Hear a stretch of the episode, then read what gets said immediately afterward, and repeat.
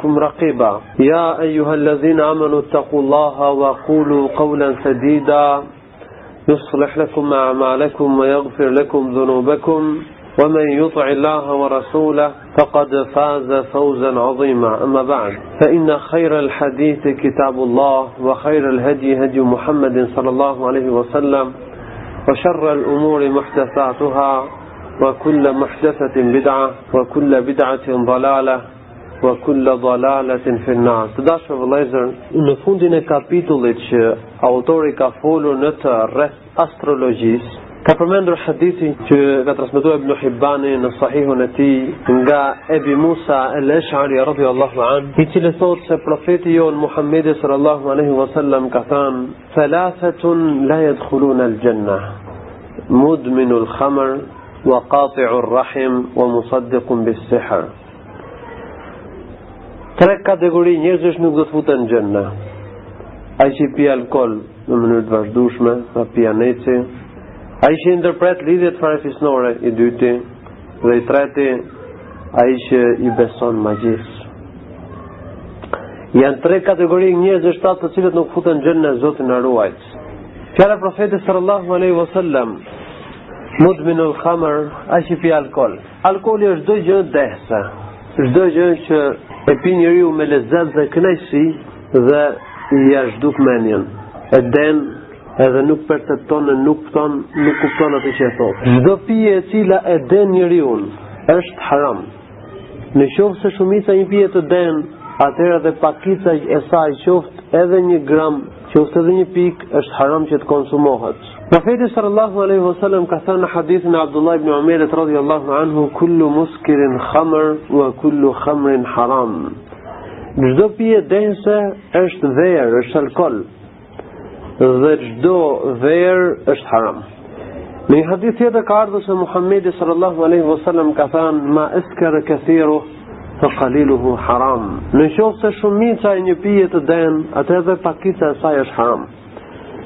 Prandaj vëllezër duhet që të paralajmërojmë njerëzit të ruhen prej alkoolit.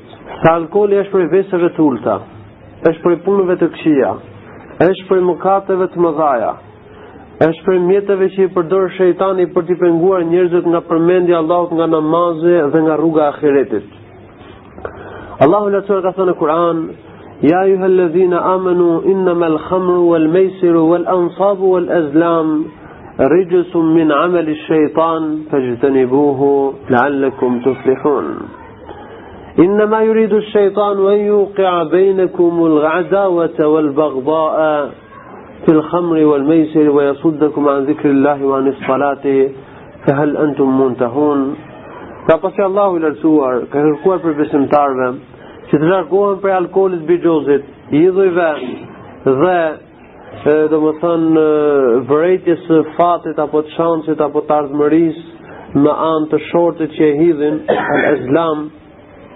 pllakave që i hidhin e kupton edhe shkruheshin në to gjëra të ndryshme al azlam ka thënë që të largohen prej tyre se janë punë të ndyra të shejtanit prej shejtanit të mallkuar e të largohen prej tyre në mënyrë që të shpëtojnë pastaj ka thënë vërtet alkooli bixhozi janë shkak për armiqësi dhe urrejtje ndërmjet besimtarëve shejtani don që me anë të alkoolit dhe bixhozit Të fusi urrejtje armiqësi ndërmjet muslimanëve dhe t'i pengojë ata nga përmendja e Allahut dhe nga falja e namazit. Andaj vëllezër duhet që të largohemi prej këtyre punëve dhe t'i paralajmërojmë njerëzit që të ruhen prej tyre, sepse ato janë shkak për urrejtje, armiqësi, konflikte dhe janë shkak për largimin nga përmendja e Allahut të lartuar dhe falja e namazit. Profeti sallallahu alaihi wasallam alkoolin në një hadith të saktë e ka cilësuar si kryesorin e punëve të këqija. Domethënë, alkooli sipas asaj që ka thënë Profeti sallallahu alaihi wasallam, është ummul khabaith. është kryesorja e punëve të këqija Zoti na ruajt. Për arsye se ai që pi alkool, ndoshta mbasi dehet, vret, e pret, plaçkit, e bën imoralitet, e shumë e shumë punë të tjera, ndoshta bie dhe në idhujtari Zoti na ruajt, sepse ai nuk e komandon dot veten e tij. Prandaj Ai që bën këtë punë, e cila bëhet shkak për zhdukjen e mendjes së tij dhe e kthjellimit të tij, ai bën një mëkat shumë të madh Zoti na ruajt.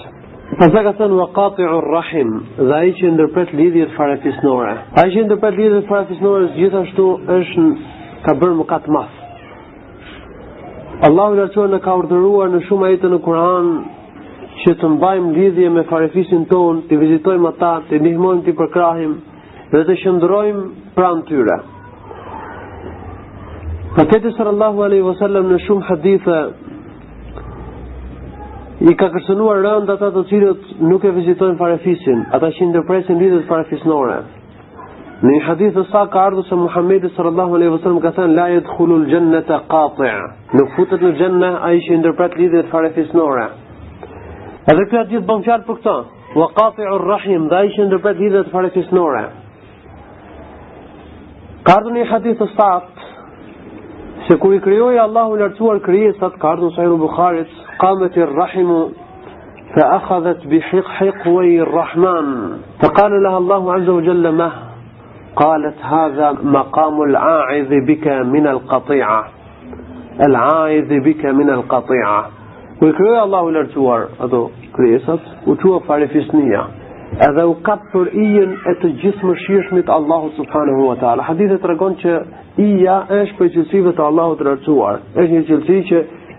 që i përshtatet madhërisë së tij dhe nuk u përngjan cilësive të krijesave, sikurse është dora, dy duart, dy kambët, kërciri, gishtrinjtë, majat e gishtrinjve, duart, fytyra, sytë, të gjitha këto cilësi e të tjera prej cilësive që kanë ardhur në Kur'an dhe në Sunnet i dedikohen Allahut të lartësuar ashtu siç i përshtatet madhërisë së tij dhe nuk besohen si të tilla që u përngjajnë cilësive të krijesave. E rëndësishme u kap për ijen e të Gjithëmëshirshmit sikurse përmendet në hadith.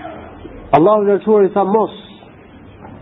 Përse farefisnia tha, jam ngritur këtu për të kërkuar mbrojtje ty kundra çdo njëri që i shkëpot lidhjet me mua, domethënë me lidhjet farefisnore. Atëherë Allahu i lartësuar i tha, a nuk kënaqesh që ta ndihmoj dhe ta përkrah En asile men wasaleki ta ndihmoj dhe ta përkrah. E ta mbroj atë që domethënë të mbron, të përkrah dhe i forcon lidhjet me ty dhe ta ndërpres mirësinë, hajrin, ndihmën dhe përkrahjen, e mbrojtjen, e ruajtjen ndaj atij që i shkëput lidhjet me ty, tha posi jo. Tha këtë do ta jap ty. Kështu që ai që vazhdon t'i ketë lidhjet e mira me farefisninë, T'i vizitojë, t'i përkrahë, t'i ndihmojë, të gjendet pranë tyre, t'i lehtësojë brengat dhe pikëllimet e tyre, e t'i ndihmojë ata, të plotësojë nevojat e tyre, sepse gjithë këto futen në konceptin e vizitimit të farefisit, ai është në lidhje me Allahun e lartësuar. Dhe Allahu e ndihmon e përkrah atë, se këtë nënkupton lidhja e tij me Allahun. Këtë nënkupton fakti që Allahu i lartësuar, domethënë, krijon lidhje me atë që ai ka lidhje me farefisin e tij. Do të thotë që Allahu e ndihmon, Allahu e përkrah atë, Allahu i jep sukses atij, Allahu i jep mbarësi atij edhe kështu me radhë. Ndërsa ai që i shkëput lidhjet farefisnore, Allahu e shkëput ndihmën ndaj tij. Allahu e shkëput mirësinë ndaj tij, edhe ky është në dëm të madh në shkatërrim të madh, Zoti na ruajt. Andaj vëllezër duhet që ne të interesohemi për të ruajtur lidhjet farefisnore. Në kohën tonë janë përhapur ide ekstreme, shkatërruese, të cilat kanë prej qëllimeve të tyre parësore shkatërrimin e lidhjeve farefisnore, sepse duke i ndërtuar njerëzit lidhjet e tyre në bazë të marrëdhënieve materiale, domethënë në bazë të përfitimeve materiale, atëherë do të shkatërrohet shoqëria, do të shkatërrohet farefisnia, do të shkatërrohen vlerat, do të dominoj dashuria për dynja, edhe njerëzit do të përpiqen të zaptojnë njëri tjetrin, do të përpiqen të dhunojnë njëri tjetrin.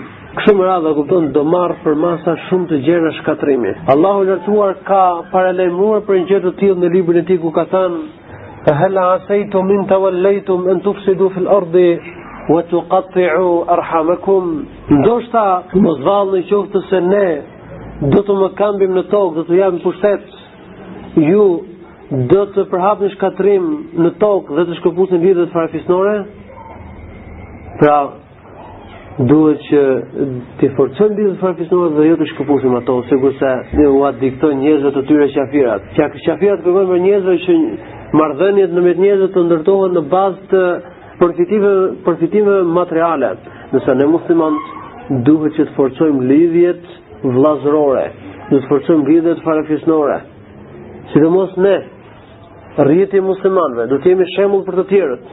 Edhe sikur tjetri që të jetë qafir, domethënë ai baba jot, nëna jote, vëlla jot, motra jote, tezja dhe halla, mos i shkëput lidhjet me ta. Normalisht që nuk nuk lejohet që t'i shoqërosh ata në harame, në gostit që janë haram, porse ti mundesh shumë mirë që ta zëvendësosh një gjë të tillë. duke i vizituar ata në kohra të tjera, duke qëndruar pranë tyre në vështirësitë që i kalon ata, kalojnë ata, duke u dhuruar atyre vazhdimisht, e gjithë kjo do të bëjë që ti të përfitosh zemrat e tyre, dhe kështu ti ke arritur që të forcosh lidhjen farefisnore dhe t'u bësh dava atyre me shembullin e lartë dhe të madh që e jep. Ne kemi nevojë gjithë që T'i lexojmë, t'i studiojmë dhe t'i perceptojmë mirë argumentet e shariatit që kanë ardhur në lidhje me forcimin e lidhjeve farefisnore. Se shumë prej vëllezërve të rinj musliman, dhe gjithë jemi të tillë alhamdulillah, dhe kemi nevojë me një fjalë që të punojmë dhe të edukojmë e të zhvillojmë sa më shumë në vetvetet tona sjelljen e lartë islame. Shumë prej vllezërve musliman kanë kuptuar se me të pranuar njeriu islamin du të shkëputet krejtësisht nga farefisi dhe ky jeton në një botë tjetër ata në një botë tjetër. Është i saktë ky koncept, është i saktë ky koncept në qoftë se do të, domethënë, do të kuptonte që të shkëputej nga harami, nga kufri, nga idhujtaria dhe nga pjesëmarrja me ta në harame. Por që të shkëputet krejtësisht prej tyre nuk është e saktë. Nuk na ndalon ne feja islame që të sillemi mirë, që t'u bëjmë mirë, që t'u dhurojmë dhe që t'i ndihmojmë ata njerëz që nuk na luftojnë neve. Nuk na plaçkitin neve në pasuritë tona, nuk e cënojnë pasurinë dhe gjakun tonë. Këta njerëz nuk ka asnjë pengesë që me i vizituar. Allahu ka thënë në Kur'an, la yanhaakum Allahu anil ladhina lam yuqatilukum fid din wa lam yukhrijukum min diyarikum an tabarruhum wa tuqsitu ilayhim, Allahu nuk ua ndalon që ata të cilët nuk ju luftojnë juve për shkak të fesë, dhe nuk u vrasin e t'ju nxjerrin juve nga pasuritë tuaja që t'i ndihmoni edhe që të mbani drejtësi ndaj tyre edhe të bëni bamirësi ndaj tyre pra njerëz të cilët janë paqësorë me ne nuk ka asnjë pengesë që t'i ndihmosh t'i përkrahësh Qofshin edhe prej njerëzve që janë larg farefisnisë, por kur janë prej farefisnisë, atëherë akoma më shumë. Atëherë duhet me i ndihmuar, duhet me i përkrahur. Dhe kjo është dave që ua bën atyre. Profeti përpiqej që në këtë forma të tilla t'i afronte njerëzit në fenë e Allahut, të përfitonte zemrat e tyre. Pra na ka ardhur në një hadith të saktë, që dietarët e kanë përmendur se është shkak i zbritjes së këtij ajeti të Kuranit që e citova pak më parë, se Nëna e Esmasë vjen, ndërkohë që ishte qafire, nuk e kishte pranuar fenë islame, vjen dhe kërkon me fjalë që ajo ta ndihmonte ta përkrahte Esmaja. Ajo shkon tek Muhamedi sallallahu alaihi wasallam i thotë nëna ime ka ardhur wa hiya raghibatun fi silati. Ka ardhur dhe ka dëshirë që unë ta ndihmoj, ta përkrah. Të forcoj lidhjet me të, profeti sallallahu alaihi wasallam i tha asaj sili ummaki, ummaki, i tha ndihmoje, përkrahe. Përkrahe atë, mbroje atë. Forcoji lidhjet me të. Pra nuk ka një pengesë një gjë e tillë. Këtë çështje duhet ta kemi të qartë. Pastaj për sa i përket lidhjeve farefisnore, për sa i përket llojet e gjërave të cilat konsiderohen prej vizitimit të farefisit ose prej lidhjeve farefisnore, ato përcaktimi i tyre varet nga tradita. Çfarë tradite ka vendi? Sepse në shariat nuk është përcaktuar një gjë e tillë. Kështu që ajo që përcaktohet nga tradita, ajo duhet të bëhet. Dhe kjo normalisht ndryshon nga pasuria në varfëri, varet nga gjendja që e kanë njerëzit e afërm. Në qoftë se janë të pasur, atëherë thjesht me i vizitu, me i përkrah, me u thënë një fjalë të mirë e kështu me radhë. Ndërsa në qoftë se ata janë të varfër, kanë nevojë për ushqim, kanë nevojë për veshmbathje, atëherë duhet që të kontribosh edhe me pasurinë tënde, në mënyrë që ta përmbushësh atë që e kërkon lidhja farefisnore sipas argumenteve të shariatit. Pra nuk mjafton thjesht një vizitë apo një fjalë e mirë si je si shkon. Duhet që me ndihmuar me pasurinë tënde. Kjo futet në atë që e quajmë lidhja farefisnore në shariat. Ky është koncepti i lidhjes farefisnore. Ndërsa përsa i përket njerëzve të cilët përfshihen në lidhjet farefisnore, përsëri i kthehemi traditës. Traditës së njerëzve. Ka prej tyre që janë shumë të afërm, sikurse janë prindërit, vëllezërit e motrat e kështu me radhë. Ka prej tyre që janë disi edhe më larg. Ka prej tyre që janë disi edhe më larg. Të gjithë ata vizitohen, porse ata që janë më afër vizitohen diçka më shumë se sa ata që janë më larg. Përsa i përket herë, herave të vizitës, kuptohet që ato ndryshojnë. Ai që është më i afërt do vizitohet më shpesh, ai që është më larg ndoshta do vizitohet më vonë. Ndërprerja e lidhjeve farefisnore do të konsiderohet sipas traditës. Për shembull, në qoftë se do të rrish aq gjatë Pa i folë, apo pa e vizitua një person një të afërm, aq sa cilësohesh tradicionalisht nga njerëzit si një si, si njëri që ke shkëputur lidhjen farefisnore, atëherë Zoti na ruajt, ti ke merituar ndëshkimin e atij mëkati që është përmendur në hadithet e Muhamedit sallallahu alaihi wasallam, kjo në qoftë se dëshiron Allahu i Lartësuar që të ndëshkojë. Po në një vend që nuk ka traditë, si bëhet, për shembull në Evropë, ose në shumë vende të botës, Zoti na ruajt, marrëdhëniet ndërmjet njerëzve po kalojnë krejtësisht në bazë të përfitimeve materiale. Ata nuk marrin parasysh se ke vlla, ke motër, bab e fëmi. Domethënë këto lidhje ata duan që t'i shpërbajnë, duan që t'i eliminojnë dhe t'i ndërtojnë të gjitha lidhjet e tyre në bazë të përfitimeve materiale, në bazë të dynjasë. Kështu duan me i bo lidhjet e tyre. Pra në një vend që nuk ekziston tradita, atëherë ata do të studiojnë se si shkojnë këto punë në vendet islame. Dhe muslimanët që pranojnë islamin prej tyre, nuk ka dyshim që e kanë detyrë që të fillojnë lidhjet farefisnore, edhe t'i forcojnë ato, edhe të shkëputen nga ky xhahilijet që ekziston në të.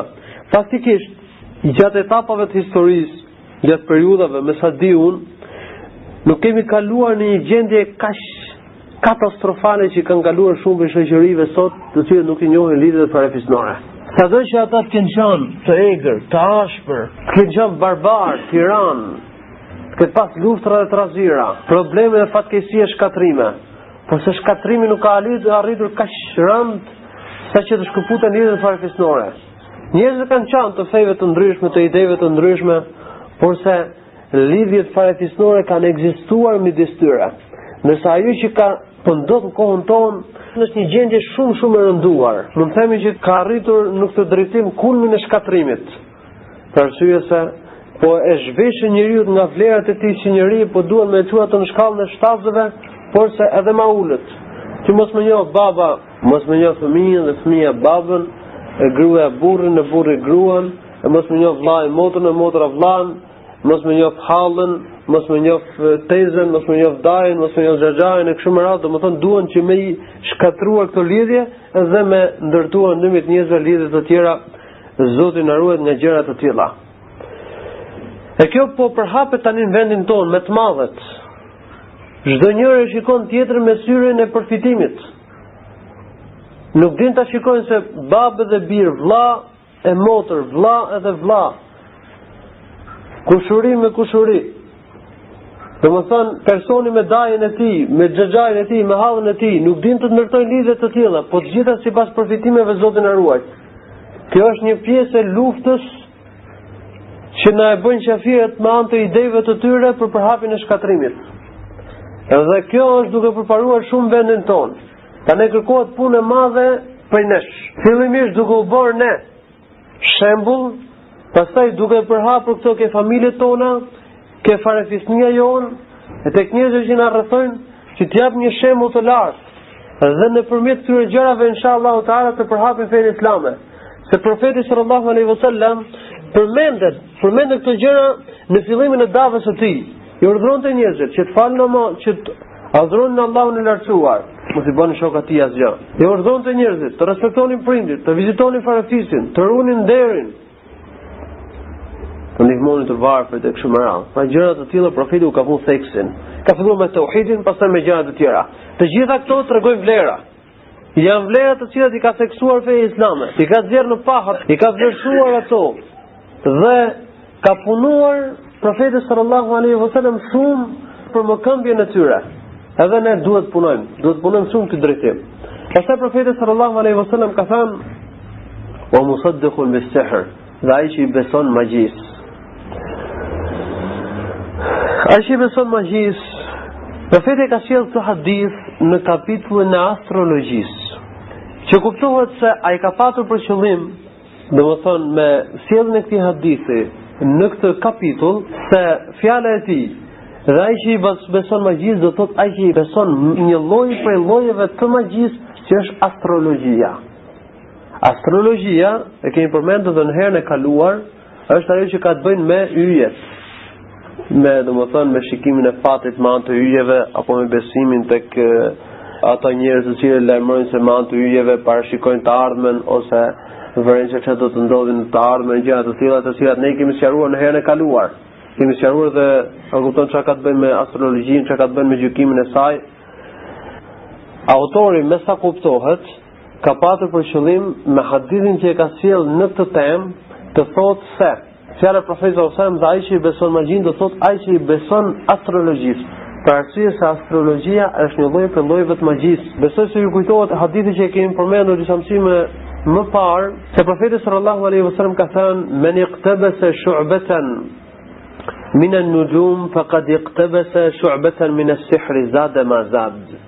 Kush mëson një degë prej degëve të astrologjisë, ai ka mësuar një degë prej degëve të magjisë. Sado që të shtojë prej astrologjisë, i shtohet gjynahi. I shtohet magjia dhe si rrjedhojë, i shtohet gjynahi i magjisë.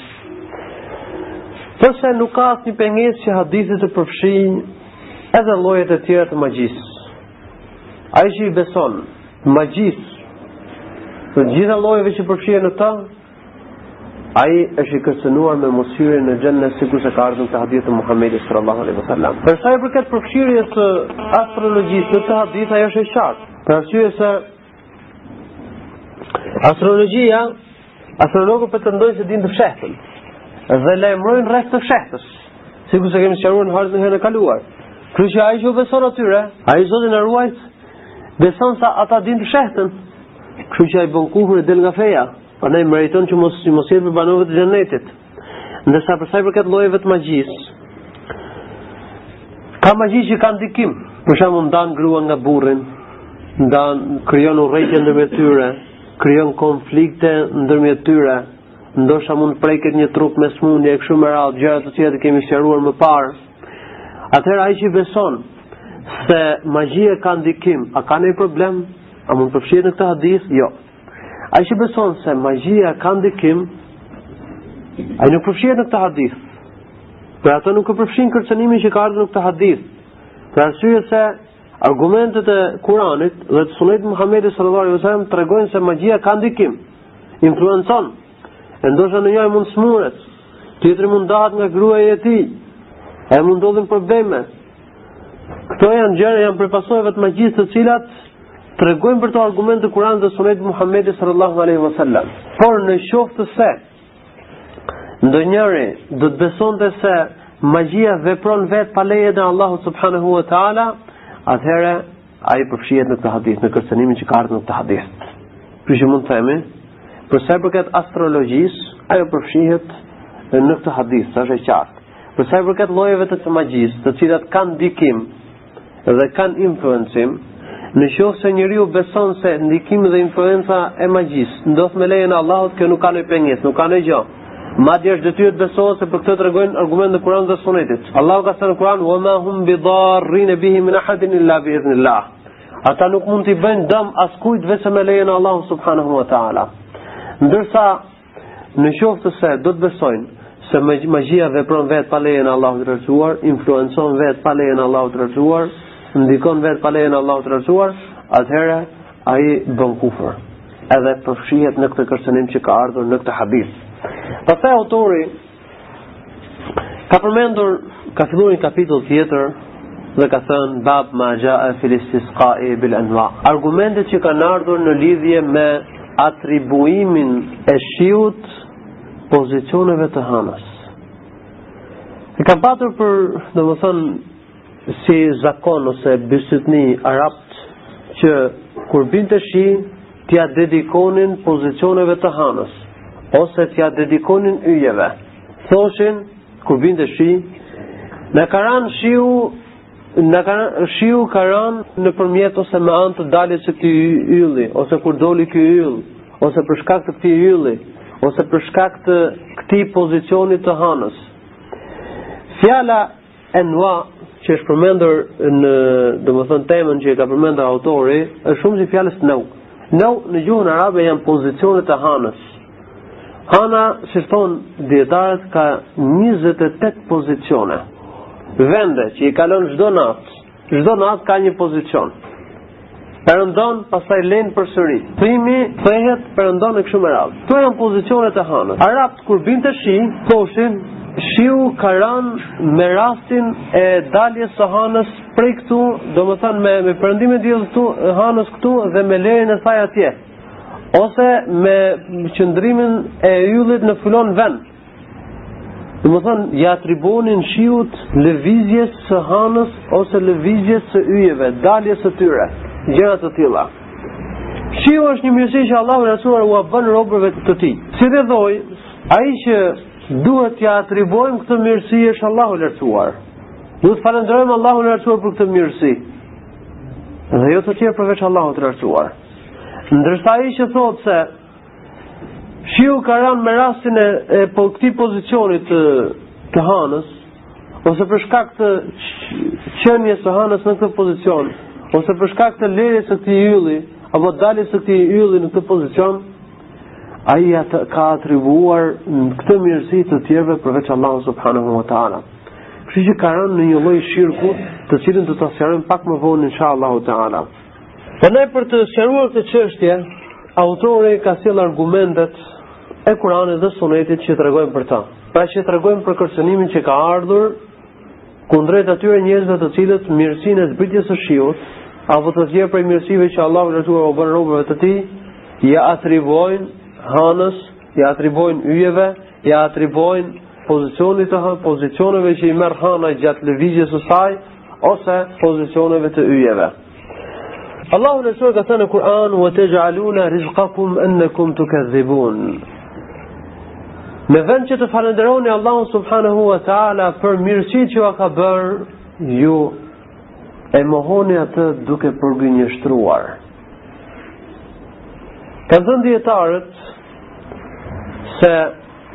Allahu i lartësuar në këtë ajet ka patur për qëllim veprimin dhe thënien, domethënë atë që e bëjnë kurejshët ose mushrikët në kohën e Muhamedit sallallahu alaihi wasallam, të cilët kur zbriste shiu thoshin ka zbritur shiu me daljen e hanës nga ky pozicion. ose me lëvizjen e saj në këtë pozicion, ose me daljen e yllit. Pra për shkak të hanës ose për shkak të yllit ka zbritur shiu. Shumë besojnë ata, kështu thoshin ata.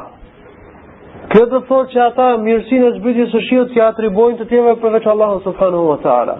Prandaj Allahu i Lartësuar ka thënë, në vend që të falënderoni Allahun për mirësinë që jua ka bërë, Ju çfarë bani?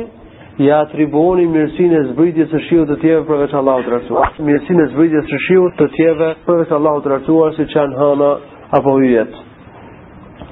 Ka ardhur një hadith në Musnedin e Imam Ahmedit dhe në Sunenin e Tirmidhiut se profeti sallallahu alaihi wasallam e ka komentuar këtë ajet të Kuranit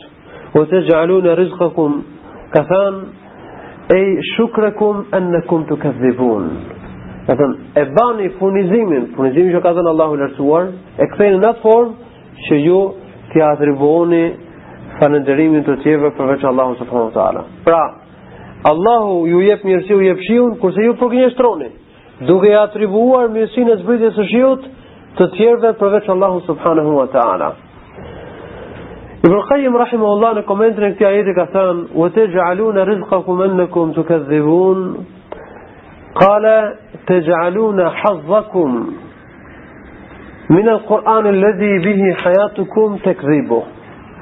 Pjesën tuaj të Kur'anit, mirësinë që ju ka bërë Allahu me anë të Kur'anit, me të cilën gjallërohet zemra juaj, ju e keni bërë të tillë që ta përgënjeshtroni atë, ta refuzoni atë, mos ta pranoni atë. Dhe padyshim kjo është dështimi ma, Zoti na ruajt. Ajeti i përfshin të dyja Kuptimet. Nuk ka asnjë pengesë që të jepen të që ajeti t'i përmbajë të dyja variantet. Pra varianti parë është që ajeti bën fjalë për ata të cilët mirësitë që ua ka bërë Allahu, ia atribuojnë të tjerëve përveç Allahut subhanahu wa ta'ala.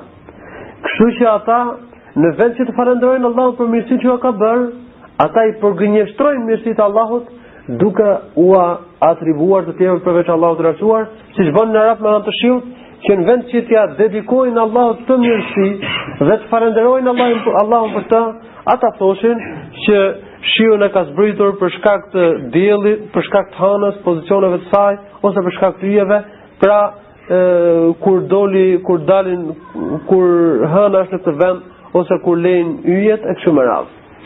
E kuptimi tjetër është e kupton e, që në vend që të përfitojnë prej Kuranit, E gjallërohen me të zemrat e tyre, ata e përgënjeshtrojnë atë, Zoti na ruajt, sikurse ka përmendur Ibën Kajim, rahimehullah, dhe gjë e tillë është transmetuar nga edhe nga El Hasan El Basri.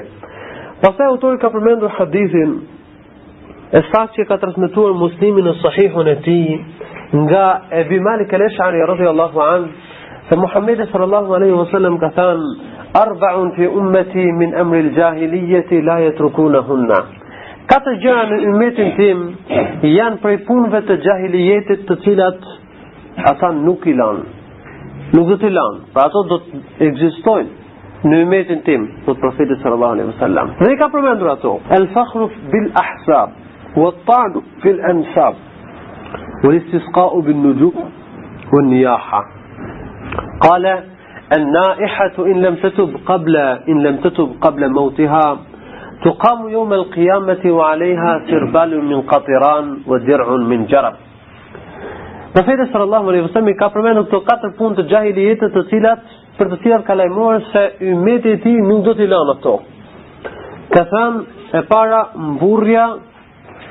me anë të krenaria dhe mburrja me anë të prejardhjes, me anë të baballarëve, me anë të stërgjyshve. E dyta, akuza ndaj nderit të të tjerve, ndaj prejardhjes së të tjerve. Sharja e prejardhjes së të tjerve. Dhe e treta, Atribu, atribuimi i mirësisë së zbritjes së shiut pozicioneve të hanës ose yjeve. Pra me ia dedikuar mirësinë e zbritjes së shiut yjeve. Edhe e katërta është vajtimi me za. Vajtimi me kuje, me ligje, me gjëra të tilla, pra katrimi që e bëjnë gratë ose e bëjnë disa njerëz në raste fatkeqësie, si për shembull kur vdes ndonjë i afërm, gjëra të cilat ju i dini dhe do t'i sqarojmë pak më vonë inshallah ta'ala. Pra profeti sallallahu alaihi wasallam në këtë hadith ka lajmëruar për katër gjëra, të cilat kanë qenë prej punëve të kohës së xahilijetit dhe ka lajmëruar se dhe ummeti i tij nuk do t'i lanë ato. Kale profeti sallallahu alaihi wasallam arba'un fi ummeti Katër punë janë prej gjërave të xahilietit, prej punëve të xahilietit. Xahilieti bëhet fjalë për periudhën para islamike. Periudha para se me u dërguar Muhamedi sallallahu alaihi wasallam. Për shkak se dominonte injoranca dhe padituria, kufri dhe idhujtaria, veprimet dhe veset e ulta, të cilat ne i kemi sqaruar, keni dëgjuar dhe keni lexuar e dini shumë prej tyre, nuk është e nevojshme të zgjerohemi shumë në to. Pra në shumë drejtime dhe aspekte ata kanë qenë të degeneruar të shkatërrum, edhe në humje të thellë Zoti na ruajt, edhe i kishte mbuluar injoranca, kishte dominuar mbi ta injoranca. Ajo periudhë është quajtur xahilie. Dhe punët e asaj kohe quhen punë xahilieti. Dijetarët tanë kanë thënë se Çdo punë e cila bie në kundërshtim me shariatin e Allahut të lartësuar, ajo është punë xahilie. Ajo është punë xahilieti. Këto punë, për arsye se kanë ekzistuar në kohën e xahilietit, profeti sallallahu alaihi wasallam i ka quajtur si punë xahilie, domethënë si punë me karakter xahilieti. Ai që i bën këto punë, ai ka bërë punë prej punëve të xahilave. të cilët kanë qenë para kohës islame dhe u ka përngjasuar atyre Zoti na ruajt. Të parën gjë që ka përmendur profeti sallallahu alaihi wasallam është el fakhru bil bil ahsab, krenaria dhe mburrja me anë të prejardhjes. Njerëzit në kohën e xahilijetit mburreshin me anë të të parëve të tyre.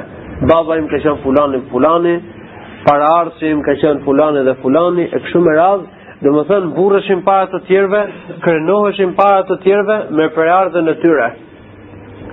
Do të keni parasysh që fakti që profeti ka përmendur që katër gjëra janë prej punëve të xahilietit që ummeti im nuk do t'i lanë, këtë profeti sallallahu alaihi wasallam e ka përmendur në kontekstin e hedhjes poshtë të punëve të tilla. Domethënë, ka patë për qëllim që t'i dënonte, t'i hidhte poshtë dhe t'i shante këto punë. Prandaj, ia ka dedikuar periudhës së xahilijetit. Çdo gjë që i dedikohet xahilijetit, që i përket xahilijetit, është e sharë, është e dënuar. Nuk është e pranueshme në fenë tonë, ajo është pa vlerë. Që duhet të largohemi prej saj. Prandaj, Mburrja me anë të prejardhjes nuk lejohet. Të krenohet njeriu me anë të prejardhjes, e të nënçmojë të tjerët. Kjo nuk lejohet. Njeriu do ta ngrejë feja e tij, devotshmëria e tij, puna e tij. Dhe jo prejardhja e tij. Njerëzit tek Allahu subhanahu wa taala nuk do ta kenë gradën e tyre sipas prejardhjes. Por Sipas punës së tyre dhe devotshmërisë së tyre. Kriteri që përcakton se sa afër apo larg është njeriu tek Allahu i Lartësuar, është devotshmëria. Prandaj Allahu i Lartësuar ka thënë në Kur'an: "Inna akramakum 'inda Allahi atqakum." Vërtet, më i nderuari, më i afruari prej jush tek Allahu i Lartësuar është më i devotshmi. Çfarëdolloj prejardhje të ketë njeriu? Në qoftë se është i devotshëm, ai është i afruar tek Allahu. Ndërsa në qoftë se nuk është i devotshëm, ai është larg Allahut. Ai është larg mëshirës së Allahut subhanahu wa taala. Kështu që njerëzit duhet që të garojnë në veprimin e punëve të mira. Në qoftë se dëshirojnë që të arrijnë sa më afër tek Allahu, në qoftë se dëshirojnë që ta kenë gradën sa më të lartë në botën e përtejme, sepse kjo dynja është pa vlerë. Dhe posti, posti, karriera, prejardhja, pasuria, e çdo gjë që ka të bëjë me këtë dynja, kritere këto me të cilat njerëzit vlerësojnë njëri tjetrin në këtë dynja, pra janë mentalitete të njerëzve që njerëzit i vlerësojnë sipas dynjas dhe sipas kritereve që i kanë prodhuar me mendjet e tyre. Këto gjëra nuk kanë vlerë tek Allahu subhanahu wa taala. Njerëzit tek Allahu vlerësohen sipas devotshmërisë së tyre,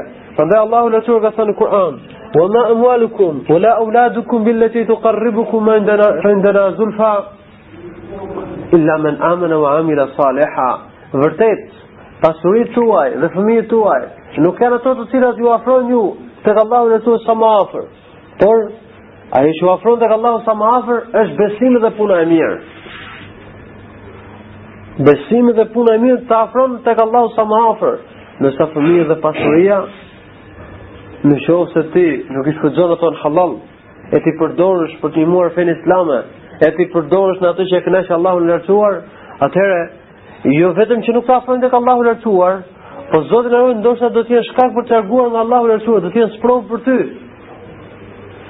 Sikurse ndodh me shumicën e njerëzve, të cilët pasuria dhe fëmija bëhet pengesë për ta dhe i largon nga feja e Allahut të lartësuar, i largon nga devotshmëria Zoti na ruajt. Feja Islame ka hedhur poshtë mburrjen me anë të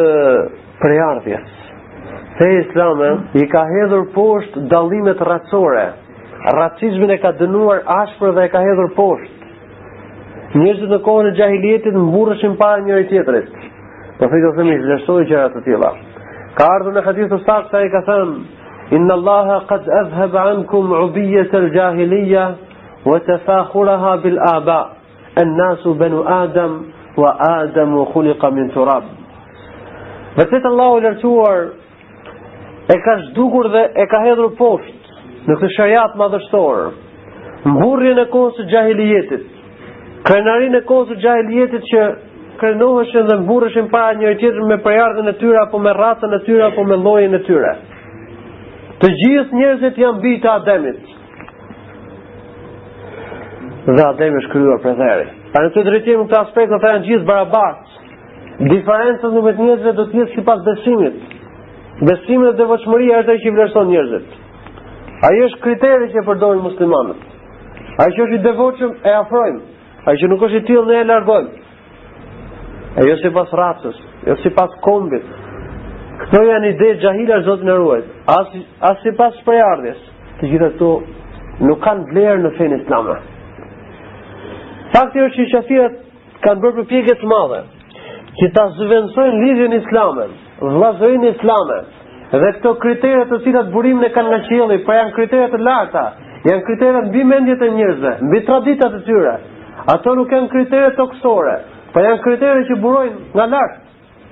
Qafirët kanë bërë përpjekje të madhe me anë të ideve të tyre që t'i shndërrojnë këto kritere me kritere që kanë prodhuar vetë apo kritere të cilat njerëzit janë mësuar tradicionalisht në tokë. Ai çfarë? Të bashkohemi se jemi komb i vetëm për shembull. Të bashkohemi se jemi një racë e vetme. Të bashkohemi se kemi një gjuhë të përbashkët. Këto gjëra nuk ekzistojnë tek ne muslimanët. Ne bashkohemi rreth një boshti Kur'anit dhe Sunetit. Ne na bashkon vllazëria islame. Dhe sa më i devotshëm të jetë njeriu, aq më shumë e forcojmë vllazërinë me ta.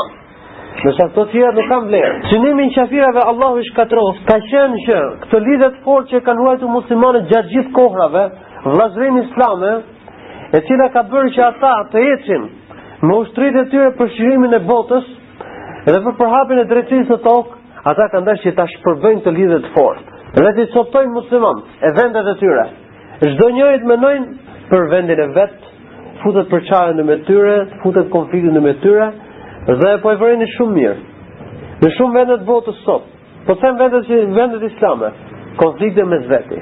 Për shembull, filloi Bangladeshi me Pakistanin. Bangladeshi ishte një vend me Pakistanin. Ishin një shtet i vetëm.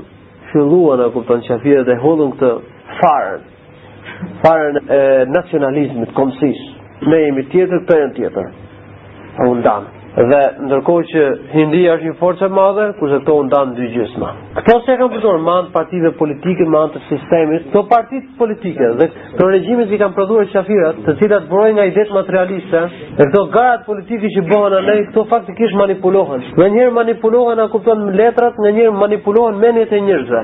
Hodhën idenë Teksa i fjalë ndarjes e nacionalizmit në ato vendet islame dhe filloi konflikti e urrejtja e përleshja e shkatrrimi konfrontimi derisa u ndanë. E kanë coptuar botën islame. Kështu që qafirat me anë të këtyre ideve që i hedhin, si puna e nacionalizmit, si puna e racizmit, e gjëra të tilla. Për nacionalizmin një kanë dy synime më së I pari është Për sa i përket qafirave, ata nuk kanë se si me ngritur moralin e ushtarëve të tyre dhe thonë të gjejmë një ide që të ngrejmë moralin e tyre. Luftonin për komb dhe për flamur. Ndërsa e dyta është për të coptuar popujt e tjerë. Se për shembull muslimanët, në qoftë se lidhja e vetme që i bashkonte ata do të ishte Islami, fjala la ilaha illallah, vëllazëria islame. Atëherë do të ishte një umet i madh Në fillim edhe në fund. I bashkonte një fjalë e vetme. I bashkonte një qëllime të vetme. I bashkonte propagandë e vetme. Parime të vetme. Të përbashkëta. Askush nuk mund t'i thyente, nuk mund të qëndronte përballë tyre. Atëherë futën këto ide për t'i shkatrruar ata Zoti na ruajt. Profeti sallallahu alajhi wasallam prandaj e ka hedhur poshtë në këtë hadith dhe në shumë hadithe të tjera këtë gjë. Pasi ka thënë wa ta'nu fil ansab, dhe akuza e prejardhjes së të tjerëve. E nesebeve të njerëzve të tjerë, për shembull, akuzon Këtë për në njërën e thotë a kupton që ky nuk e ka prejardhjen nga fulani, s'e ka nga fulani, ose akuzon nënën e tij, akuzon prejardhjen e tij, këto gjëra nuk janë të lejueshme në fenë islame. Duhet që të ndalohemi nga gjëra të tilla. Sepse kjo përhap shkatrrim, përhap urrejtje, përhap armiqësi ndërmjet njerëzve. Pastaj ka thënë wal istisqa bin nujum. Dhe Me atribuuar mirësinë e shiut, mirësinë e zbritjes së shiut yjeve. E sqaruam edhe pak më parë një gjë të tillë. Në qoftë se njeriu mirësinë e zbritjes së shiut do t'i atribuojnë yjeve ose hënës apo pozicioneve të hënës, duke thënë që ka zbritur shiu për shkak të hënës, apo për shkak të qëndrimit dhe qenies së hënës në këtë pozicion, apo për shkak të lerjes së atij dielli, apo Leu ky hyll edhe zbriti shiu, fjalë të tilla, kjo është e ndaluar në fenë islame dhe është prej punëve të xahilijetit. Muslimanët mirësitë ia atribuojnë Allahut të Lartësuar. Nuk ka lidhje zbritja e shiut me anë të lerjes së hënës dhe perëndimit të saj. Nuk ka lidhje me pozicionet e saj 28 pozicionet e saj që shkon në to në çdo natë. As me lerjen e me përëndimin e yjeve, nuk ka lidhje shiu. Shiu është një dukuri natyrore, ka shkaqet e tij të caktume të cilat janë studiuar sot imtësisht nga ana e shkencës, dhe këto i ka krijuar Allahu i Lartësuar. Këto shkaqe ka krijuar Allahu i Lartësuar, dhe ai bie me lejen e Zotit tonë subhanahu wa ta'ala. Kështu që, ai që i atribuon këtë mirësi, yllit apo hanës, Ai ka rënë në shirk. Profeti ka patur këtë frikë për umetin e tij. Prandaj në një hadith që e kemi përmendur dhe në herën e kaluar, ka thënë: "Akhwafu ma akhafu ala ummati thalatha." Tre gjëra të cilat i kam më frikë ndaj umetit tim janë këto që vijojnë. Ka thënë: "Hayful a'imma wa takdhib bil qadar Wal istisqa'u bin nujum. Ka thënë padrejtësinë dhe tiraninë e prijësave, qeveritarëve, pushtetarëve. Përgënjeshtrimin e kaderit, caktimit të Allahut të Lartësuar, dhe atribuimin, dedikimin e mirësisë së zbritjes së shiut, yjeve ose hanës. Duhet të dimë që Elistisqa'u bin nujum, atribuimi i mirësisë së zbritjes së shiut, yjeve ose hanës është dyllojësh. Lloji i parë është shirk i madh, i nxjerr nga feja islame, është kufr i madh, i nxjerr nga feja islame. Në qoftë se njeriu beson se vetë hana ose vetë yjet e zbresin shiun, ai nuk zbret me lejen e Allahut. Porse vetë hana e zbret atë. Ky është shirk që nxjerr nga feja e Allahut të lartësuar. Profeti në hadith nuk ka patur për qëllim këtë lloj. Për arsye se ai bën fjalë për punën në kohën e xahilijetit. Në kohën e xahilijetit arabët nuk kishin për qëllim që ylli, yjet ose hana e zbresin shiun vetë. Porse kishin për qëllim që kur del hana, kur len hana në një pozicion Ose kur len ylli në një pozicion, apo del një yll i caktuar, më kupton? Atëherë zbret shiu. Pra, sikur besonin se Allahu e ka bërë shkak hënën për zbritjen e shiut, e ka bërë shkak yllin për zbritjen e shiut. Ky ishte besimi i tyre. Edhe kjo është shirk, do ta përmendim pak më vonë inshallahu ta'ala në llojin e dytë. Ata nuk kishin për qëllim që vetë hana apo yjet e zbresin shiun. Argument për këtë është fakti që Allahu i Lartësuar ka thënë në Kur'an, "Wa la in sa'altahum man nazzala min as-sama'i ma'an fa ahya bihi al-ardha ba'da mawtiha, la yaqulun Allah." Dhe në qoftë se do t'i pyesësh ata, kush e ka zbritur shiun nga qielli dhe e ka ngjallur tokën pas vdekjes së saj, ata thonë e ka zbritur Allahu i Lartësuar. Që tregon se ata nuk besonin se shiun e zbret vetë hana apo yjet. Ta besojnë se shiun nga qielli e zbret Allahu i lartësuar. Por hana është një shkak. Lerja e yjeve apo perëndimi i tyre, tyre, tyre është shkak për zbritjen e shiut. Këtë besojnë ata. Lloji i dytë është besimi se hana ose e, yjet janë shkak për zbritjen e shiut. Pra thotë njeriu se Allahu i lartësuar e ka bërë shkak Hënën për zbritjen e shiut në këtë kohë apo në atë kohë. Kjo është shirk i vogël. Kjo është shirk i vogël, është kufri i vogël. Për arsye se mirësinë e zbritjes së shiut ia ka atribuar yllit ose hanës dhe jo Allahut të lartësuar. Nuk ka asnjë lidhje ndërmjet zbritjes së shiut dhe yllit apo hanës. Andaj profeti sallallahu alaihi wasallam ka thënë në këtë hadith se kjo është prej punëve të xhahilijetit. Pastaj ka thënë wan niyaha. Wan niyaha është katrimi. Katrimi ose vajtimi me kuje me ligje.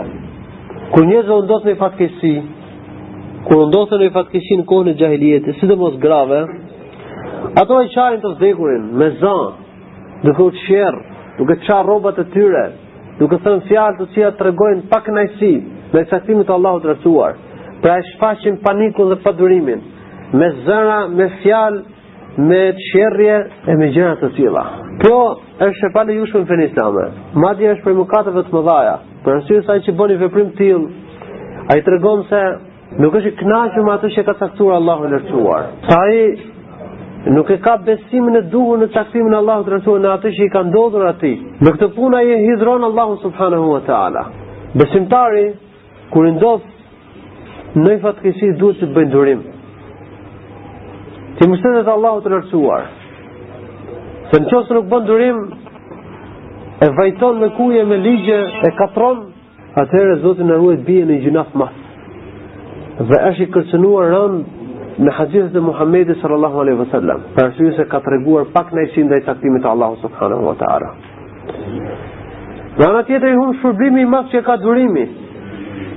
Kur njeriu bën durim ndaj fatkeqësive që i ndodhin, ka shpërblim të madh tek Allahu Subhanahu wa ta'ala. Çdo njeri duhet ta dijë se, me anë të katrimit dhe vajtimit, nuk mund të zëvendësohet fatkeqësia.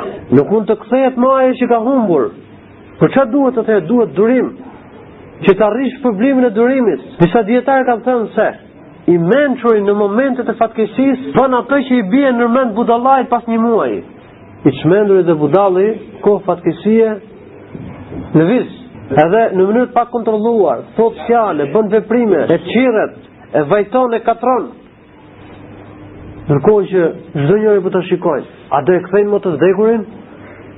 Pasurin që i ka ikur, a do e kthejnë më? S'e kthejnë më. Ajo që ka shkuar, ka shkuar. Pra i mençuri atëherë e mbledh veten, e frenon nefsin e vet, bën durim, dhe punon për atë që ka mbetur, ajo që ka kaluar, ka kaluar. Kështu që i mençuri në moment domethënë, në moment bën atë që e bën, pas një kohe të gjatë njeriu i çmendur, ose njeriu budalli. Profeti në këtë hadith e ka kërcënuar rëndë, atë që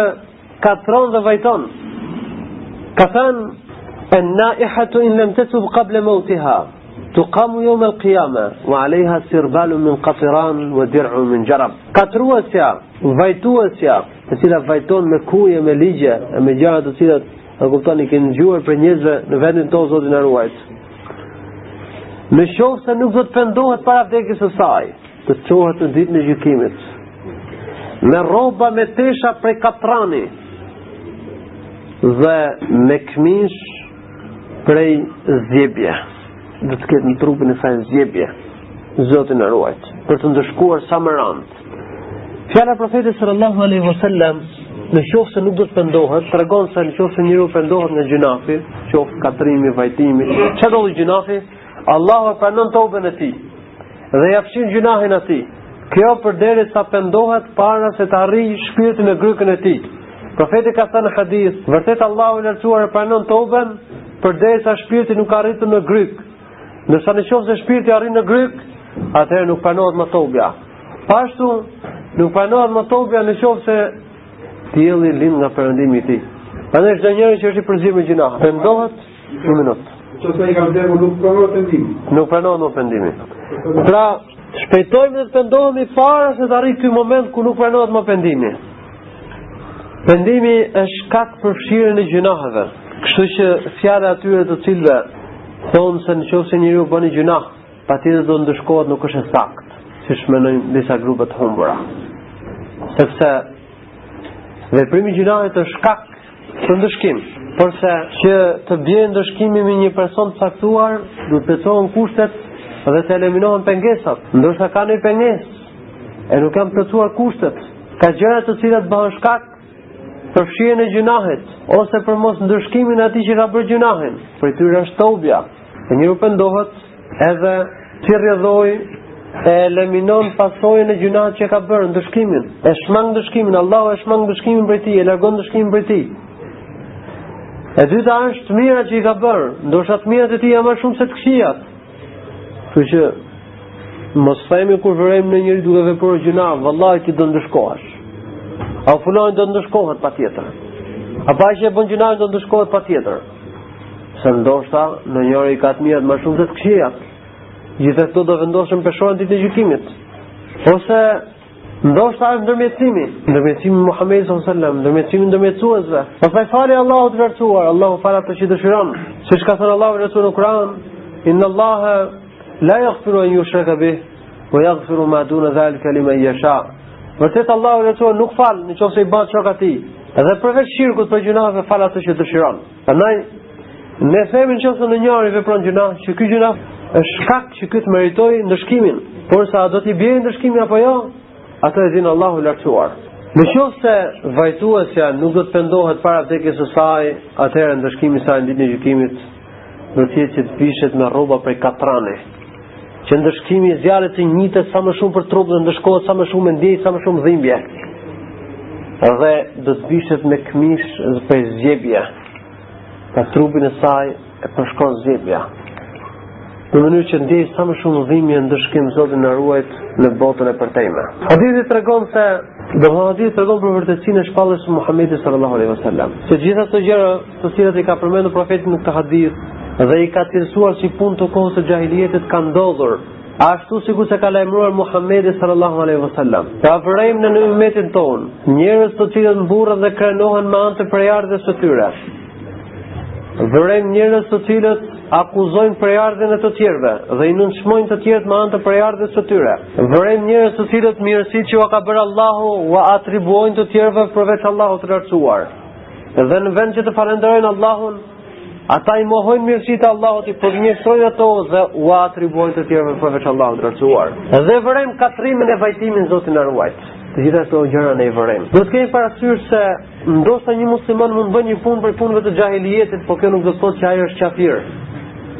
Pra, ndoshta muslimanët bëjnë disa punë të çifutëve, punë të krishterëve. Dhe punë të kohës së xhahilijetit. Mund të ekzistojnë vese dhe punë të tilla tek muslimanët, por kjo nuk do të thotë se ata u bënë çifutë kaurrë apo u bënë si njerëzit mushrik me fjalë siç kanë qenë njerëzit në kohën e xhahilijetit. Profeti ka thënë njërit prej shokëve të tij, kur ai ka E ka sharë njërin prej sahabeve nga ana e nënës së tij, Ebu Dherr el-Gifari radijallahu anh, i ka thënë Bilalit radijallahu anh, e ka sharë nga nëna e tij. Bilali është ankuar tek Muhamedi salallahu alejhi ue selem dhe ka ardhur Ebu Dherri, profeti i ka thënë, "Inna kemruun fike xhahilije." I ka thënë ti je njeri që në ty ka xhahilijet, pra ka ves xhahilijeti. Ka thënë, ja Resulullah, me gjithë se kam gjithë këtë moshë, gjithë këtë kohë në fenë islame, ka thënë po. Pra, me gjithë se Ebu Dherri ka qenë prej sahabëve, prej besimtarëve të devotshëm, nuk ka dyshim, por e ka patur këtë ves të xhahilijetit. E pra e cilësoi profeti këtë çështje. E normalisht e ka eliminuar atë pasi profeti e kritikoi për të. Kështu që ndoshta muslimani mund të ketë një punë ose një ves prej gjërave të qafirave, po kjo nuk do të thotë që ai bëhet qafir. Nga ana tjetër, kjo tregon se është detyrë që muslimani të ruhet nga punët e qafirave dhe veset e kohës së xhahilijetit. Dhe është fakt që shumë prej vëllezërve muslimanë janë futur në fenë islame elhamdulilah, por nuk janë zhveshur plotësisht nga petku i xhahilijetit. Shpesh vërehen tek ata veset e xhahilijetit, për shembull, zemrohen shpesh me njëri-tjetrin. E shajnë njëri-tjetrin. E nënçmojnë njëri-tjetrin.